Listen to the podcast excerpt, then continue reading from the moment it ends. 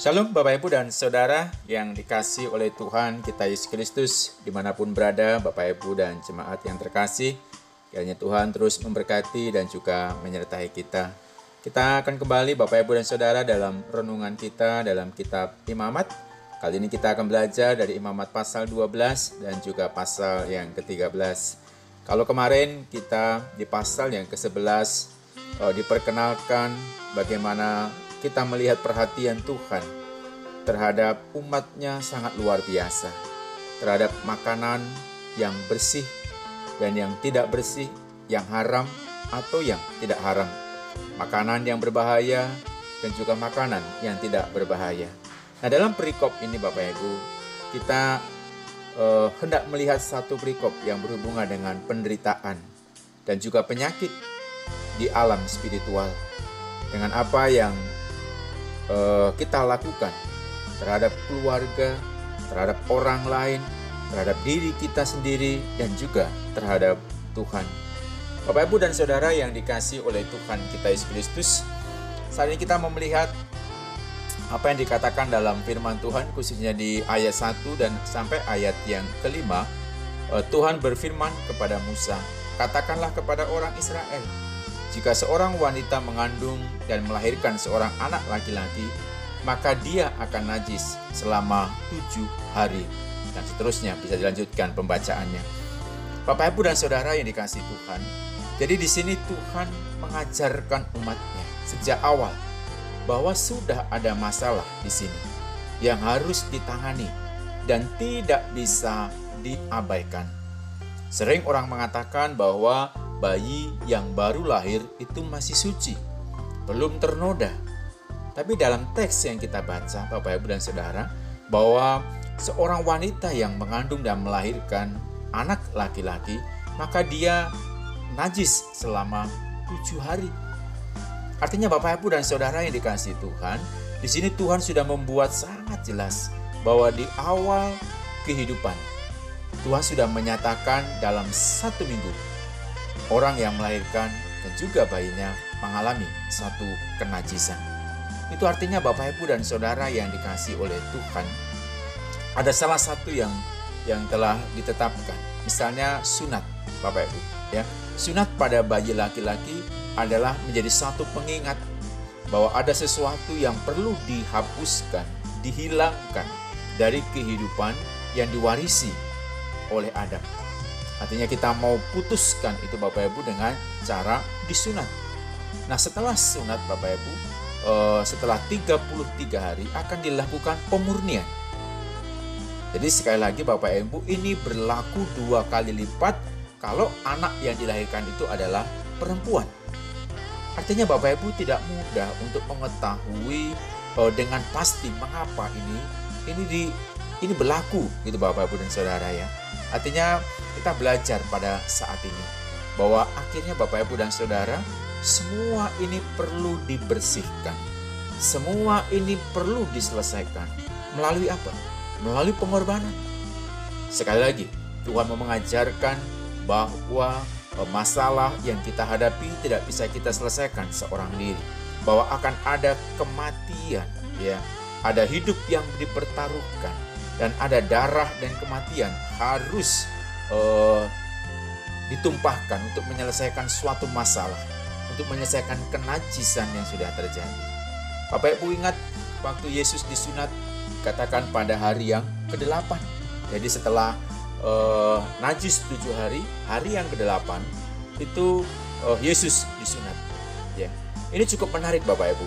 Karena ada pandangan bahkan dokter memberitahu bahwa hari ke-8 uh, hari pertama dari bayi uh, dilahirkan Bapak Ibu itu sudah ada unsur-unsur pembekuan darah sehingga cukup untuk melakukan tindakan seperti sunat. Makanya setelah diselesaikan hari ketujuh, hari ke-8 uh, bayi sudah bisa mengalami operasi ataupun sunat. Nah setelah 33 hari, kalau kita lihat kisahnya Bapak Ibu, maka Maria dan Yusuf pergi ke bait suci. Untuk apa? mempersembahkan korban penyucian, Bapak Ibu. Kita tentu masih ingat bahwa mereka adalah keluarga yang miskin, sehingga mereka tidak mampu membeli seekor domba.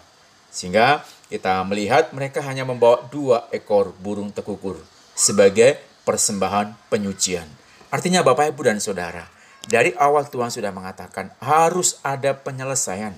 Ya, ada korban yang diberikan untuk menebus setiap kesalahan dan pelanggaran. Itu tentang uh, persalinan Bapak Ibu dan Saudara. Artinya kita nggak bisa sendiri. Artinya kita sudah bermasalah sejak kita di manusia itu di, dilahirkan dan harus diselesaikan di dalam uh, pengorbanan dan juga penumpahan darah.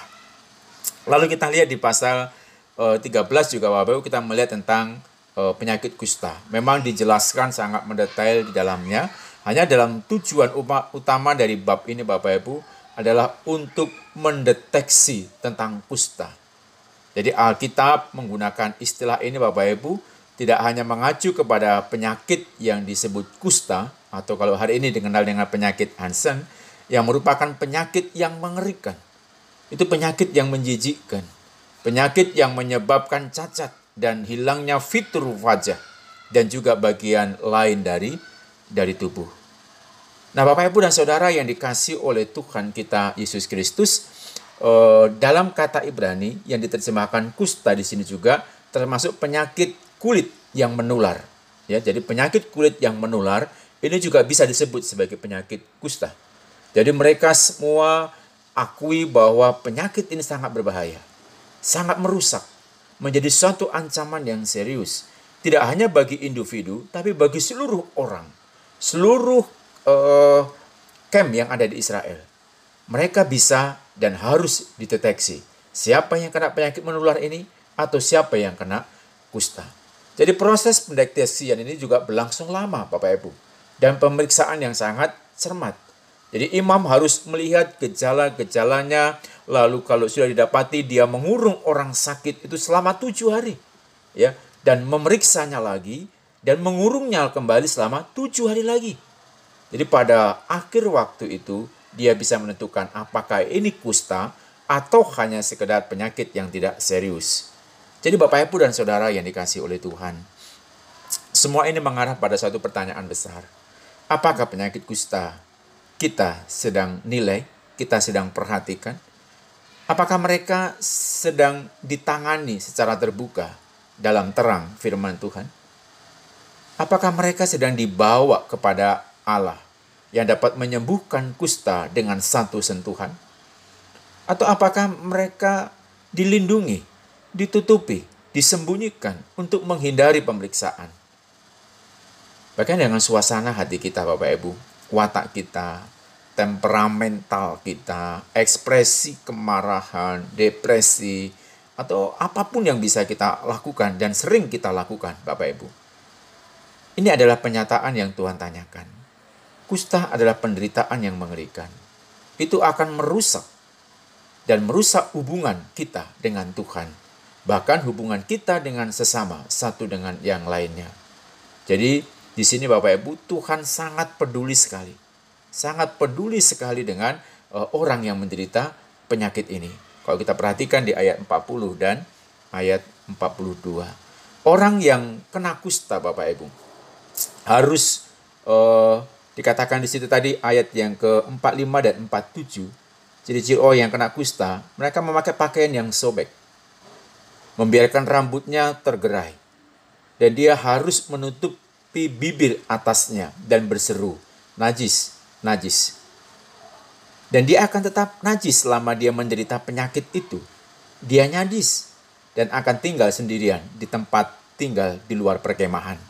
Itu Imamat 13, 13 ayat 45 dan 47.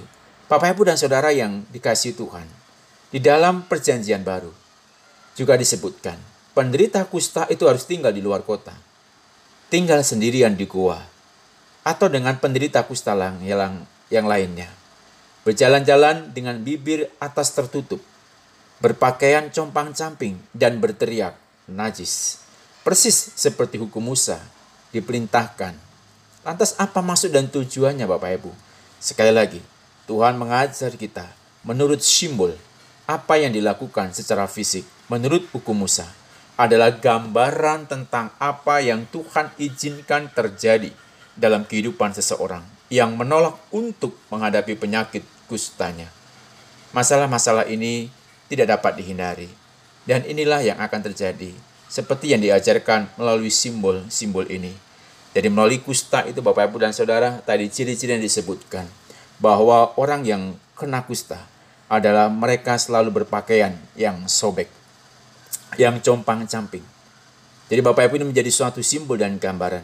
Seperti yang telah kita lihat berkali-kali melalui firman Tuhan atau kitab suci Pakaian adalah gambaran perilaku seseorang. Menjadi gambaran tindakan lahiriah seseorang.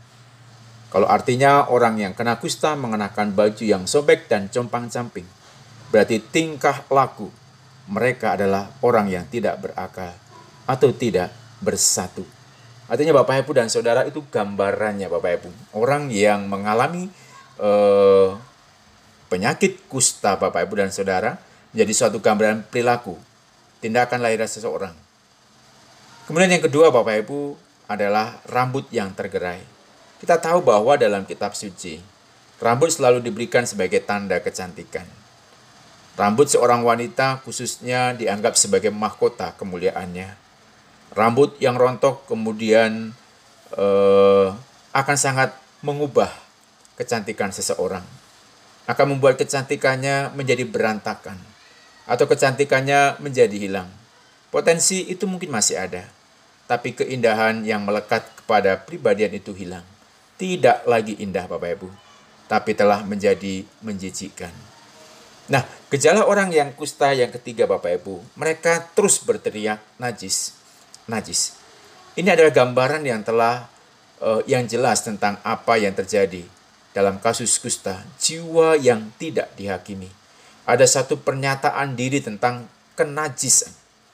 Jadi Bapak Ibu dan Saudara yang dikasih Tuhan, akhir dari semua itu Bapak Ibu, jika kita berada dalam kondisi seperti itu, kita tinggal sendirian atau dalam sosial kita merasa dibuang, ya, ingin dekat dengan orang tapi tidak mampu untuk melakukannya, merindukan persahabatan dan cinta manusia, menjangkau tapi kita nggak bisa menemukan.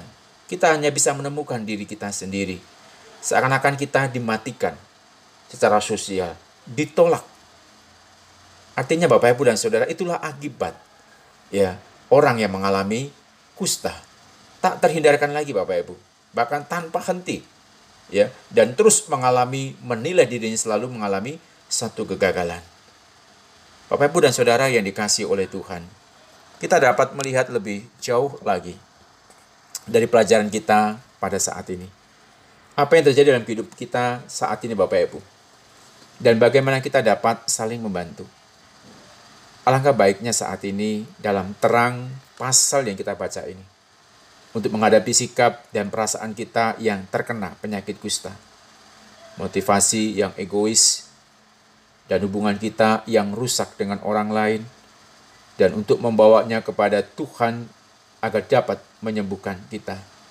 Hanya dengan sentuhan kata-katanya Bapak Ibu, dia dapat menahan tindakan kejahatan kita dan membuat kusta kita menjadi putih dan membebaskan kita.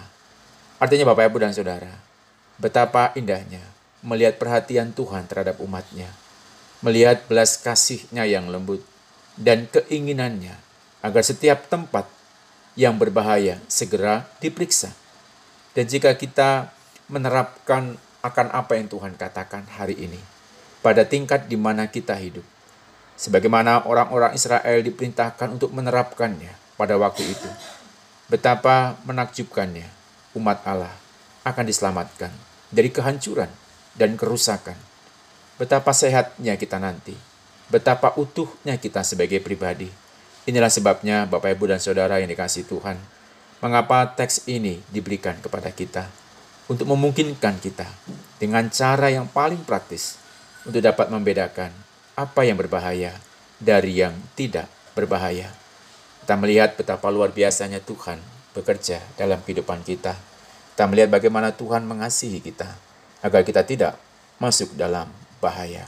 Biarlah Bapak Ibu dan Saudara, Firman ini menjadi suatu pembelajaran yang sangat berharga bagi kita dan kita senantiasa tumbuh di dalamnya. Amin. Shalom. Selamat malam dan Tuhan memberkati kita semuanya.